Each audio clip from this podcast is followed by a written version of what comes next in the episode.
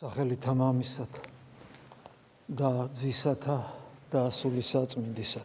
მართალია ჩვენ ქრისტიანებმა ჩვენი რწმენიდან გამომდინარე ვიცით უნდა ვიცოდეთ ეს ჩვენი ვალდებულებაა და ვიცით ყოფიერების ზოგადად არსი და ადამიანის ყოფიერების არსი მათ შორის ვიცით საიდუმლოებანი რომელიც დაფარული იყო თაობიდან თაობამდე და ღმერთის ადამიანად მოსვლის განკაცებით გაიხსნა ეს საიდუმლოება.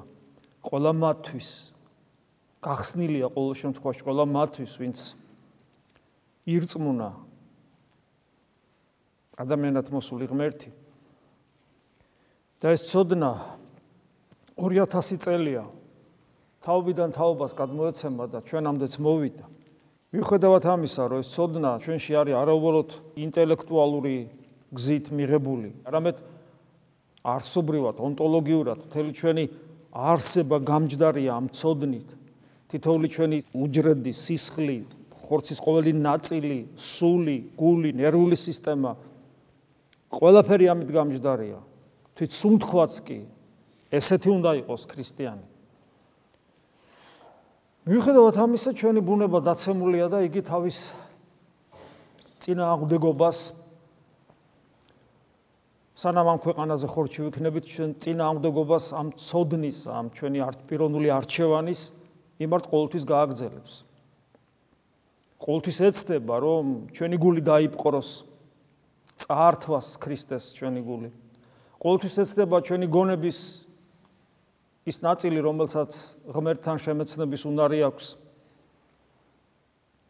რომლითაც ჩვენ რეალიზდებით როგორც ღვთის ხატი და მსგავსი არსებანი ეს გონებას დაიპყროს, ამასოფლს მიაჯაჭოს, ამასოფლის ფსევდოღირებულებებით აღავსოს. ეს ბრძოლა არის სულ იქნება. და გარდა ამისა, იგი მუდამ ცდილობს დაივიწყოს ის ცოდნა, რომელიც ჩვენ ასე დაუმსახურებლად მოგვეცა. და იმის გამო, რომ არ დაივიწყოს ჩვენმა თავმა და დაიწყება ერთ-ერთი უმთავრესი ვნება დაცემული ბუნებისა, როცა ის ივიწყებს ყველაზე მთავარს რაც სამყაროში არსებობს, იმის გამო რომ არ დაივიწყოს და რომ არ დაგვავიწყდეს, ამისად და ჩვენ ვიცით ეს როგორ ხდება. ჩვენ მუდამ გვავიწყდება, მუდამ გვავიწყდება, რომ რა გვწამს და შესაბამისად ჩვენი რწმენა რა ვალდებულებების და რა დიდებულებების წინაშე გვაყენებს. დებისათვის ვარ დავიწყოთ, ამიტომ მუდამ ხდება ჩვენი ცოდნის გააქტიურება ეკლესიის მიერ. დღევანდელი დღეც ასეთია ზუსტად. ჩვენ აქ მოვედით იმისათვის, რომ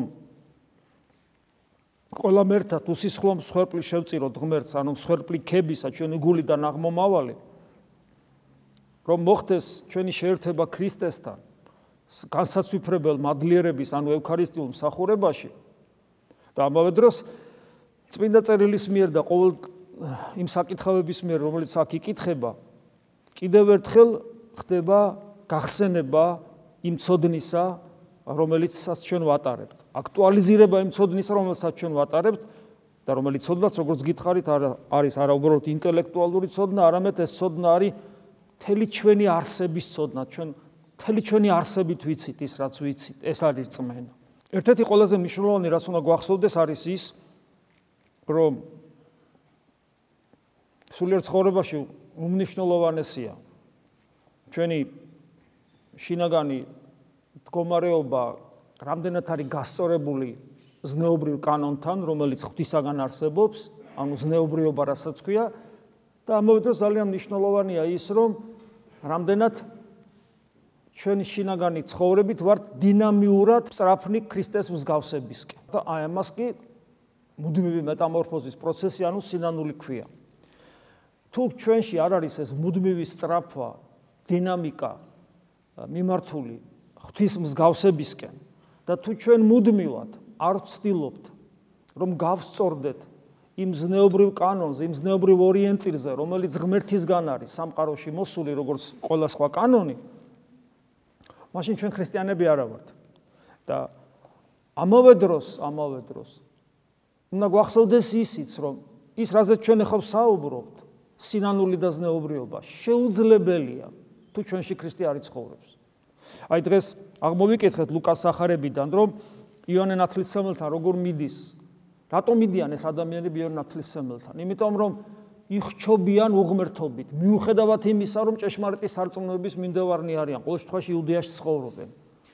იმიტომ რომ ის ცოდნა, ის წმენა და ის რელიგიურობა, რომელიც მათ აქვს, ის არ ავსებს მათ შინაგანად. არ ავსებს შინაგანად მომწიფთა, როგორც ناقოფი მომწიფდება, როგორც თქვათ ნებისმიერი ბიოლოგიური არსება მომწიფდება, თქვათ. ანუ ერიც მომწიფდა, საზოგადოება სამყარო მომწიფდა იმისათვის, რომ მან მიიღოს ადამიანად მოსული ღმერთი. თავიდან ეს შეუძლებელი იყო. თავიდან ხო ხედავ პირველივე ადამიანი როგორ დაიბადა. რა უცნაურია. პირველივე ადამიანი იყო შურიანი. იყო ესე იგი ძმის მოძულე, აბა სხვა არავინ არ იყო იქა. პირველივე ადამიანი ეგეთია. ანუ დაცემული ადამიანის დაცემულობა ისეთი საშინელება საიქმს, რომ მას არ შეუძლია ღმერთის დატევნა. და მიუხედავად იმისა, რომ კაცობრიობა მომწიფდა ღმერთის მისაღებად, მომწიფდა. მაინც მოკლეს. წარმოგიდგენიათ, კაცობრიობა მომწიფდა და მაინც მოკლეს, მაინც ვერ ვერ იტვირთეს, მოციქულებიც ვერ იგებდნენ, ესმით რა ხდება. და რა იქნებოდა რომ მოსულიყო მაშინ, როდესაც მომწიფებული არ იყო კაცობრიობა. აი 500-ოდე 500-ოდე მოწაფეც რომ ყავდა, ისიც არ ეყოლებოდა ქრისტეს მანამდე რომ მოსულიყო. და ეს ადამიანები იხჩობიან თითქოს აი ამ დანაკლისით, თვითონ რომ ადამიანს შინაგანად ვერაფერი გააძღობს თუ არა ღმერთი და კაცობრიობა მომწიფდა. კაცობრიობაში თითოეული ადამიანი მომწიფდა და კაცობრიობის მომწიფებული მდგომარეობა ეს დანაკლისი დეფიციტი, რაღაცა მიღმიერი ყოფიერებისა სიცოცხლის, რომელსაც ვერც კი გამოთქვამენ რა იცია, რა არის ეს არიციან. თითოეულ ადამიანში რეალიზდება ეს ეს ეს დეფიციტი სიცოცხლის, ამარადული სიცოცხლისა და მიდიან იოანესთან, იმიტომ რომ იმედი აქვს რომ იოანესგან გაიგებენ ისეთ რამეს რაც უნდა გაიგონ. ან იოანე ხომ არ არის ის ვისაც ველოდებით მომავალ ღმერთისაგან და გახსოვთ იოანე როგორ ხდება. მიდიან მასთან ნათლისღების რიტუალი ეს ცნობილი რამ იყო. ადამიანი ცოდვებისგან თავისუფლებას ეძებდა ცოდვებისგან თავისუფლებას ეძებდა აი ადამიანს თავ ხო გამოგიცდიათ რომ ვისაც განსაკუთრებით უღმერთო თუ ცხოვრია საკუთარი თავი გულს რო გირებს რომ აღარ შეგილია ესე უღმერთო ცხოვრება აი ესე ემართება და უნდათ რომ ამ ცოდვისგან გათავისუფლდნენ. დაიწყოთ დაიწყოთ რაღაცა მეტამორფოზა დაიწყოს მათში, ამის სურვილი აქვს. და მიდიან იოანესთან, რომ ეს ცოდვებისგან გათავისუფლდნენ. და გახსოვთ რას ეუბნება იოანე მათთან მოსულ ადამიანებს. ვინ გიჩვენა თქვენ სიმტოლვა მერმისა მისგან რისხვისა?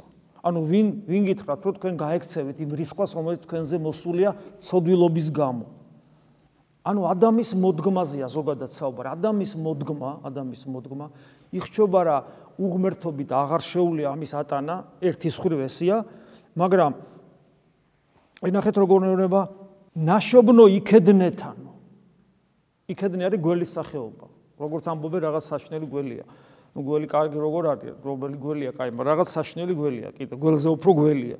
ნაშობნო იქედნეთანო. ვინ გიჩვენათ? ვინ გითხრათ? ხო თქვენ გაექცევით მომავალ რისხვას ანუ ადამიანები მოდიან რომ გაექცნენ ცოდვილო ცოდვილობის წნეხს გათავისუფლდნენ სინდისი დაემშვიდონ და ჩვენ ხშირად ხო ეს გვაწუხებს აი მოდიან ადამიანები და რატომ მოხდება უნდა აი ახსარებაზე რატო ცოდვემა დამამზიმა მეუბნები ეგარ არის ქრისტიანობის დასაწყისი. ქრისტიანობა იწყება ქრისტეს დანახვით.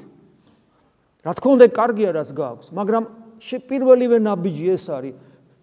მოხვედი ხო ეკლესიაში? პირველივე ნაბიჯი ქრისტესთან უნდა მიხვიდე. იმ წამსვე ქრისტესთან უნდა. ქრისტე დაინახო როგორც ღმერთი. ქრისტე თუ არ ირწმუნე, ქრისტე თუ არ დაინახე როგორც ღმერთი. აღმოჩნდები ამ მდგომარეობაში იონ ნათლისმცემელი ეუბნება, გინდა გათავისუფლება? სოდვისაგან გინდა რომ სინდისი არ გაწოხებდეს, გინდა ის რაღაცა უჩვეულო წნეხისაგან განთავისუფლდე? თუ ქრისტესთან არ მიხვალ, არ გამოვა, იმიტომ რომ გველის ნაშობი ხარ. საშნელი სიტყვებია, მაგრამ ესია, გველის ნაშობნო. თქვენ ვერ გაექცევით მომავალ რისხვას და გველი ხო იცით რის სიმბოლოც არის? გველი არის ეშმაკის სიმბოლო. და ნახეთ, გახსოვთ უფალიც რო ამბობს, რომ გროგვასწავლის რომ ეშმაკი თავის სახლად გთulis. როდესაც ადამიანში ღმერთი არ ცხოვრობს, მასში ვიღაცა ცხოვრობს სხვა. იმიტომ რომ ადამიანი როგორც საყდარი, როგორც ტაძარი, როგორც ჭურჭელი იმგვარად არის შექმნილი. თუ შენში ქრისტე არ ცხოვრობს, სხვა ვიღაცა ცხოვრობს და ის სხვა ვინ არის, ხო ვიცი. ამიტომ გველის ნაშობი ნიშნავს გველის შვილს. ანუ ეშმაკის შვილს. ან ღმერთის შვილი ხარ, ან ეშმაკის შვილი ხარ. ამიტომ ადამის მოდგმა, ადამის მოდგმა დაწყებული პირველი შვილიდან სულიერად ეშმაკის შვილნი იყვნენ. ეს ეს არის რეალობა. ჩვენ ამას შეიძლება ძალიან არ მოგწონდეს. ამიტომ არის შეუძლებელი ადამიანისათვის სასופველში ყოფობა თუ ღმერთი მას არ დაეხმარება. ეს განაპირობა ადამიანის არჩევმა ხო არ დაგვავიწყდება რა მოხდა 64-ში. ეშმაკის ნებით ნებით თქვა უარი ღმერთზე და მოინდომა განღმრთობა ღმერთის გარეშე ოღონეს მოხდა ეშმაკის ნებით. ანუ ეშმაკის ნება შემოუშვა ადამიანმა საკუთარ თავში. ეს არის რეალობა, ეს არის ჩვენი მდგომარეობა თუ ჩვენში ქრისტე არ არის. და მე ეუნება იონათლის სემელი, რომ ყავთ უკვე ناقოფი, აწნაყოფი ღირსის სინანულისა. და მიანიშნებს თქვენ გინდათ რომ შეინანოთ და ამისთვის მოხვედით. მაგრამ მე უნდა გითხრათ, გაგაფრთხილოთ, რომ სირანულის ناყოფი უნდა გამოიღოთ. ეს ჩვენთვის გასაგონად. რომ კიდევ ერთხელ ეკლესია გვახსენებს. ნუ დაუფიქრდეთ, რა არის ჩვენი სინანულის ناყოფი? მხოლოდ ერთადერთი. ის საიდუმლოება, რომელზეც პავლე მოციქული მერე იტყვის გამოკვეთილად ქრისტე ჩვენში. ერთადერთი ناყოფი ჩვენი მეტამორფოზისა, სინანული როგორც მეტამორფოზა, სინანული როგორც შინაგანი ცვლილება. მას ერთადერთი სწორი ناყოფი აქვს ის, რომ ჩვენში ქრისტე დამკვიდრდეს. თუ ჩვენში ქრისტე არ მკვიდრდება, ჩვენი სინანული არის ის სინანული, რომელიც ადამიანის მოდგომა შეიძლება კონდეს, მაგრამ იგი შედეგს არ ეძლევა. ეს არის აი მსგავსად იუდას სინანულისა. იმიტომ რომ ადამიანის მოდგომაში ადამიანის მოდგომას არ წართმევია სინდისი, და შესაბამისად თავის ქმედებებზე რაღაცა რეაგირება, რომელიც მას აწუხებს, მაგრამ ეგ არ არის საკმარისი. არ არის საკმარისი და ناقოფად ქრისტიანა გამოვიღოთ ჩვენში. ეხლა ეს ცოდნა მე რომ აქვს. ანუ ჩემი სულიერი ცხოვრება, რომელიც სინანულის გარეშე განუყოფელია, იმიტომ სინანული არის მეტამორფოზის მუდმივი პროცესი.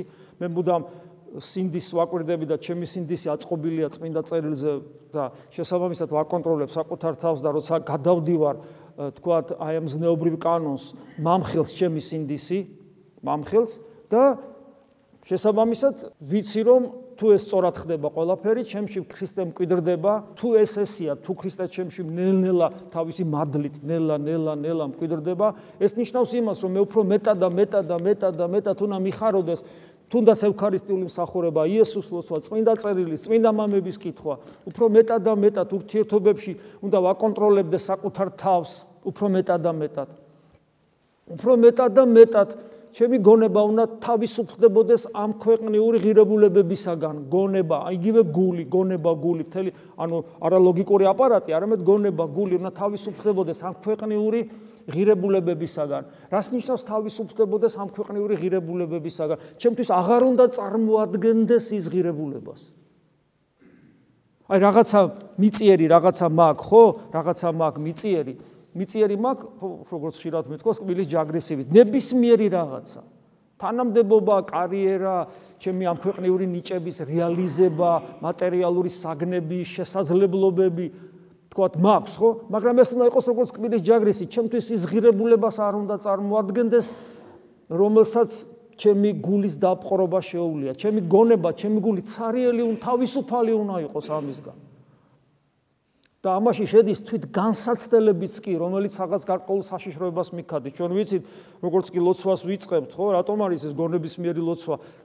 ძალიან მნიშვნელოვანი მრავალი რამის გამოა პირველ რიგში ქრისტე რო დამკვიდრდა ჩვენში და ერთ-ერთი იმის გამო რომ ადამიანი გონიერ ლოცვას რო იწყებს სიბნელეში ჩაიკეტება და ლოცულობს და თუ ეს პროცესი იწალება და ადამიანი მიეჩვია ხანგრძლივ ლოცვას მან იცის რა სირთულების წინაშე დგება იმიტომ რომ ჩემი გონება და გული სადღაც არის სულ კაც ქრისტეს დაყოფნის უნარი მას არ აქვს მას უფრო რაღაც სხვადასხვა ინტერესები აქვს სხვადასხვა საშიჩროებებზე ფიქრობს გეგმებზე ფიქრობს და ასე შემდეგ ჩემი გონება და გული ყველაფრით სავსეა გარდა ქრისტესი. ეს რეალობა არსებობს. და სანამ ჩვენი გონება და გული არ გათავისუფლდება ამ ცრუ ღირებულებებისაგან, ჩემსა და ღმერთ შორის იქნება გაუვალი უფსკული. ერთადერთი რითაც შემილია მე ღმერთთან კომუნიკაცია, ეს ჩემი გონება, ოღონ არა ლოგიკური აპარატი ხარს უსვავ. ჩვენში საიდუმლო უნარი, ენერგია სულისა, რომელსაც ტრანსცენდენტულ ყოფიერებასთან კომუნიკაციის უნარი აქვს და ისიც თუ სავსეა ამ ქვეყნიური ღირებულებებით უძღებიშვილივი თუ ისიც წამოსულია სახლიდან მაშინ ღმერთთან კავშირის კომუნიკაცია თითით ხო ვერ დაუკავშირდები ღმერთს და თვალით და ლოგიკური აპარატით ხო ხდებით ის არის საჭირო ჩართული რო იყოს ხოლო როგორც კი ის იწყებს გათავისუფლებას ამ ქვეყნიური ღირებულებებისაგან იწმინდება იწმინდება იწმინდება და მე უკვე მე უკვე სასწაულებრივად ესე ესე ესეთი უნარი აქვს ადამიანს, ესე უცნაურად არის ადამიანი შექმნილი, რომ მასა და ღმერთ შორის აღარანაირი წინააღმდეგობა აღარ არსებობს. იმიტომ რომ ეს წინააღმდეგობა დაძლია თავად ღმერთმა, როცა ადამიანური ბუნება მიიღო. ეს გადალახულია, ხიდი გადებულია. ხიდი კი არა, აღარანაირი ბარიერი აღარ არსებობს, აღარანაირი წინააღობა, თუნდაც თხელი აღარ არსებობს ჩვენსა და ღმერთშუა. იმიტომ რომ ღმერთმა მიიღო ადამიანური ბუნება ერთ პიროვნებაში, გაერთიანდა ღვთაებრივი და ადამიანური და შეურევნელად, შეურევნელად, მაგრამ ყოველგვარი ბარიერის გარეშე ღმერთი და ადამიანი ერთად არის და ჩვენ კიდე ქრისტეს სხეულის გაგზელებანი ვართ. ესე იგი, თავარი არის ამ დროს ჩემი გონების და გულის სისუფთავე განწმენდილობა ამ ქვეყნიური ვითომ ღირებულებებისაგან. ეს ცოდნა, ეს ცოდნა. მე რა თქმა უნდა მაყენებს გარდაუვალი პასუხისგებლობის წინაშე. აი, ამიტომ ამბობს მე აგზელებს, კითხულობ წმინდა წერილის სიტყვებს, რომ რამე თუ აწვე ცული ძირთა თანახეთასა ძევს. გასაგებია ხო სიმბოლოა, ყოველი ხის ქვეშ ცული დევს. ანუ თითოეული ჩვენგანის პასუხისგებლობა, ეს პირადი პასუხისგებლობა, იმიტომ რომ მე აგზელებს, რომ ყოველმან ხემან, რომელმან არა გამოიღოს ناقოფი კეთილი, მოეკვეთოს და ცეცხლსა დაედვას. ანუ ეს ცოდნა, რომელიც ჩვენ გვაქვს, გვაყენებს გარდაუალი და პირადი პასუხისგებლობის წინაშე იმდონეზე რომ ენათლისმელი ესე საშიშრად ლაპარაკობს. თეოდორე აი ხე წარმოიდგინე ეს ხე ხარ და ცული დაბლა გიდევს. თუ ناقობს არ გამოიღებ მოეკვეთები. მაფრთხილებს. მაფრთხილებს ყველაზე დიდი წინასწარმეტყველი სამყაროში. მაგას დიდი წინასწარმეტყველი არ არსებობს, როგორც იოანე. ანუ რას ნიშნავს წინასწარმეტყველი? ღვთისნებას მამცნობს, ღვთისნებას ხსნის ჩემ წინაშე და ესე სიმბოლურად საკმაოდ საშიშად მეტყოლებს, რომ მე გამოფხიზლდე და რომ მე უპასუხისგებლოდ არ მქონდეს ეს ცოდნა, რომელიც ცოდნაც, რა ვიცი, აი სასწაულებრივად მოგვეცა, იმიტომ რომ გადით გარე და ნახეთ, რამდენ მორწმუნეს ნახავთ. თითქმის ვერ ნახავთ. ძალიან ცოტაა მორწმუნე. ეს საქართველოში და აბა სხვაგან წადით რამდენ ადამიანს ნახავთ? 9 მილიარდ თუ 8 რამდენი მილიარდია? აღარ მახსოვს უკვე იზრდება და იზრდება ადამიანთა რაოდენობა მაგრამ ამდენ მილიარდ ადამიანში რამდენ მორწმუნეს ნახავს რომელსაც ეს ეს წამდეს ქრისტეს ჯეროდეს წამდეს და შესაბამისად ცხოვრობდეს? და აი ამ უამრავ ადამიანში რაღაცა ერთი მართლა მცირე სამწყსო გამორჩეულნი აღმოჩნდით რომელსაც მოგვეცა ეს ცოდნა ეს დიდებული ცოდნა და ეს შესაბამის პასუხისგებლობის წინაშე გვაყენებს. პასუხისგებლობით ჩვენი თელი არსება იტვირთება. თელი ჩვენი არსება დატვირთულია. თელი ჩვენი ბუნების საწყისები დატვირთულია ამ პასუხისგებლობით. მიუგო ყოველთა იონე და ეთყოდა, მე ნათელს გცემ თქვენ წყლითა, ხოლო მოვალს უძლიერესი ჩემსა. კიდევ ერთხელ გვახსენებს. მოვა უძლიერესი ჩემსა.